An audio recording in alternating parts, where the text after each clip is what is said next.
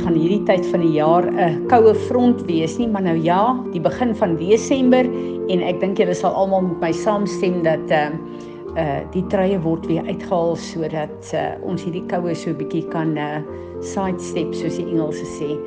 Ek uh, is so jammer vir die boere wat soveel haalskade gekry het en uh Elyn en Bernard in Klerksdorp se hele uh, huise oorstroom. Ag, um, ek wil graag vra dat ons vir hulle sal bid en dat ons net hulle arms sal optel. Dis nooit lekker as mense deur hierdie goed gaan nie, maar ek weet dat Vader God laat dit ook ten goeie meewerk. En ons is 'n gedeelte wat ons besig is om te bestudeer en te lees van ons voorvaders in Genesis 38 en ek moet sê dat hierdie jaar is daar vir my so 'n diepte, so 'n plek van waar die Here my troos en vir my 'n groter uh uh verstaan gee van my eie lewe en van mense se lewens. Maar ek wil begin met die skrif wat ek net nou gekwoteer het in Romeine 8 vers um 28 wat een van my uh geliefkoeste uh skrifte is wat ek soveel keer uh bid Ehm um, en en wat ek soveel keer uh, vir die Here sê dankie dat hy hierdie belofte vir ons gee dat daar niks is wat met ons kan gebeur wat hy nie ten goeie sal laat meewerk nie. En ek het gekyk die afgelope tyd na die in ons oë gruwelike sondes van ons voorgeslagte. Abraham, uh Isak, Jakob, ehm um, al uh, Dawid, al ons voorgeslagte wat wat God uh in die boek van Hebreërs die heroes noem uh van geloof. As ek kyk na hulle lewe dan dink 'n mens baie keer hoekom is daar soveel negatiewe goed opgeskryf vir ons, maar ek is so dankbaar dat dit is want ons kan almal met hulle vereenselwig en weet ons sit almal met hierdie lewe wat Paulus uitgeroep het en gesê het Here dit wat ek moet doen dit doen ek nie. En dit wat ek nie moet doen nie dit doen ek. Wees my genadig.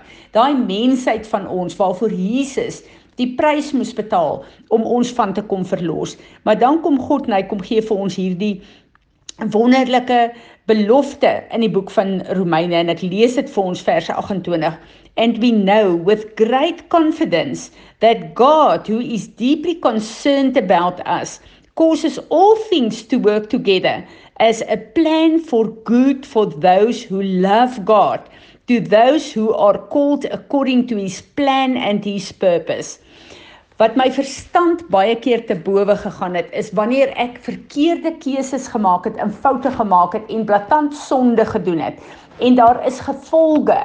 Wanneer ek dit met 'n opregte hart na die Here toe vat en myself voor hom humble en dit bely, dan kom hy en hy laat die die uh, uh gevolge selfs van my dade laat hy ten goeie meewerk in sy meesterplan vir my lewe. En hierdie is een van die grootste wonderwerke in ons verhouding met die Here.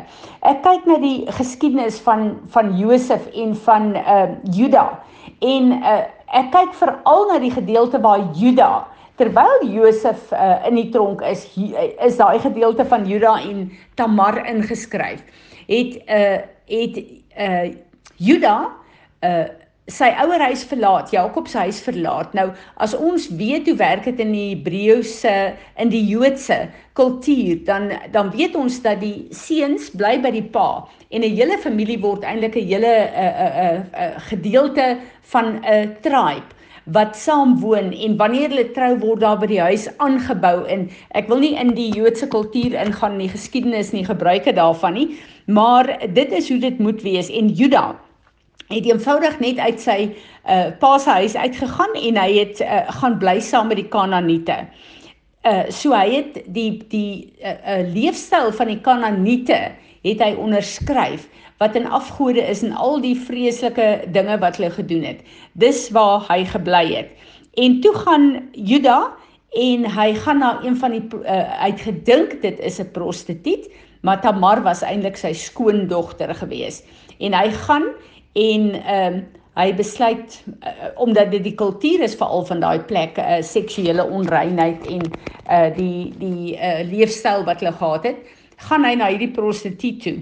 en ons ken die hele geskiedenis wat daar gebeur het. Dit was eintlik sy sy ehm um, skoondogter en interessant in die Ou Testament jou staf wat jou autoriteit is, jou ring wat jou familie naam verteenwoordig en dan ook jou kleed, jou mantel wat uh, sê wie jy is.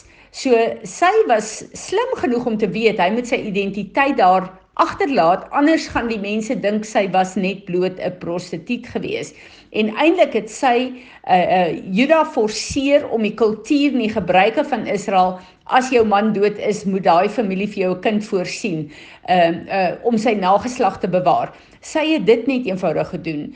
En uh, as ons kyk na Jakob se totale sonde hy's in afgoderry hy's in sonde hy's in hoerery as ons daarna kyk en ons kyk na die verbond van die verbondsgod wat ehm um, Jakob as 'n vader gesluit het uh wat sy kinders insluit met God. As ons kyk hoe die Here gekom het en sy plan vir Juda en dan ook vir Israel, uh het hy hierdie hele ding ten goeie laat meewerk. En ons weet vandag dat Tamar was die bloedlyn van Jesus gewees. Maar wat vir my so geseën het en dit wil ek vir oggend vir elkeen van ons sê, dat baie keer as ons 'n bietjie wegtrek van die Here af, as ons 'n bietjie afkoel, as ons 'n bietjie ons eie goed doen, as ons 'n bietjie ehm um, uh, uh ons plek van van getrouheid in ons dien van die Here, in ons verhouding met hom, as daai plek 'n bietjie afgekoel het. Dit is wat ons as mense ervaar. Maar dit is nie 'n verrassing vir die Here nie en dit beïnvloed ook nie sy raadsplan in ons lewe nie. God kom en hy laat alles ten goeie meer meewerk en hy laat goed gebeur om ons terug te bring na die destiny toe wat hy vir ons het. En uh vir my is dit so wonderlik om te sien dat dat uh hierdie sonde van Juda wat eintlik beteken ek loof en prys die Here. Hierdie sonde van Juda het hom nie weggevat van God af nie en God het hom weer teruggebring. En ons weet uh, wat gebeur het en hoe het uh, um, Tamar in Jesus se uh, bloedlyn ingekom en hoe het uh, nie net die gebruik van van haar man se familielyn het uh, aangegaan nie maar hoe die Here ook gekom en uh, vir uh, um, Juda kom herstel en hoe kon hy teruggekom het na sy ehm uh, sy uh, ehm uh, uh, verraadsplan wat God vir hom gehad het.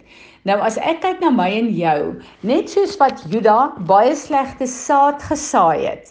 En ons kyk maar aan die bloedlyn van van Juda af. Ons kyk maar na na hoeveel seksuele onreinheid en sonde was daar, want hy het saad gesaai daar ook. En dan weet ek en jy, ons is vandag in die Nuwe Testament waar Jesus vir ons die volle prys betaal het vir ons verlede, dit wil sê vir ons bloedlyne, vir ons lewe vandag en ook vir ons toekoms. Sy offer en sy bloed is daar vir my en vir jou. En wanneer ek en jy sit met goed van die generasielyne, dit is hoekom dit so belangrik is dat ek en jy sal deel met die saad en die wapens wat ons voorgeslagte vir die vyand gegee het dat dit nie ons lewe beïnvloed nie. Maar die saad wat ek en jy vandag nog saai, daai tye wat ons saad saai wat verkeerd is, wat sonde is. Dis wonderlik as ons kan kom en onsself voor die Here kan kom humble en vir die Here vergifnis vra vir al hierdie goed wat ons doen. Maar ek en jy moet ook weet dat ons moet deel met die wapens en ons moet deel met die saad want daai saad gaan ontkiem en dit gaan 'n oes voortbring vir ons eie lewe maar ook vir ons nageslag en ons moet daarmee deel want ek soek nie oeste uit die kamp van die vyand uit nie. So daai uh, hele uh, beginsel wat Jesus kom leer het met die gelykenis van die saaier, daai saad gaan groei, maak nie saak op watter grond dit val nie.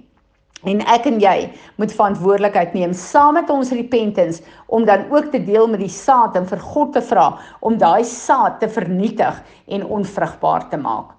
Kom ek en jy bid vandag. Vader, dankie. Dankie vir u woord, Here. Dankie vir u woord wat elke antwoord wat ons op aarde nodig het is in u woord. Dankie, Here, dat u toegelaat het dat mense die uh, geskiedenis van ons voorgeslagte opteken, maar ook die genade van ons God dat ons dit kan sien Vader, dat ons kan weet ons is nie op aarde geplaas net onder die heerskappy van die God van hierdie wêreld nie. Jesus het gekom as die tweede Adam om ons los te koop en ons terug te plaas in u oorspronklike plan. So Vader, ons wil kom en ons wil vir u vergifnis vra vir elkeen van daai plekke waar ons soos Juda net eenvoudig uit u huis uitloop en gaan speel met sonde of net lou raak Vader of net ons eie ding doen. Ons wil kom en ons wil vergifnis vra Vader elke seisoen waar ons dit gedoen het. En Here, ons wil vir u dankie sê dat u genade deur Heilige Gees ons elke keer terugbring na u toe. Maar vandag wil ons kom en ons wil vra elke wapen wat ons gegee het volgens Romeine 6 vers 13 en 14 en elke saad wat ons gesaai het Vader wat die vyand 'n reg gee om in ons lewens in te meng en u raadsplan te probeer kelder. Ons wil vandag vergifnis vra daarvoor, maar ons wil vra Here elke wapen kom vernietig dit in die kamp van die vyand.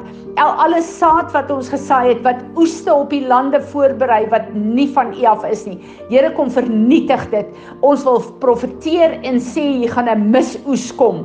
En Vader, ons kies om saad te saai in ons eie lewe Vader, gees, siel en liggaam in ons gesinne en ons gemeenskappe en ons families Vader, in ons geestelike familie. Ons kies om die saad te saai Vader wat uh, uit u woord uitkom die onverganklike saad wat oeste sal voortbring wat lewe in oorvloed sal uh, laat land hier op aarde. En dankie vir u genade. Ek wil vir u dankie sê vir die dieper verstaan die openbaringskennis wat u in hierdie seisoen vir ons gee.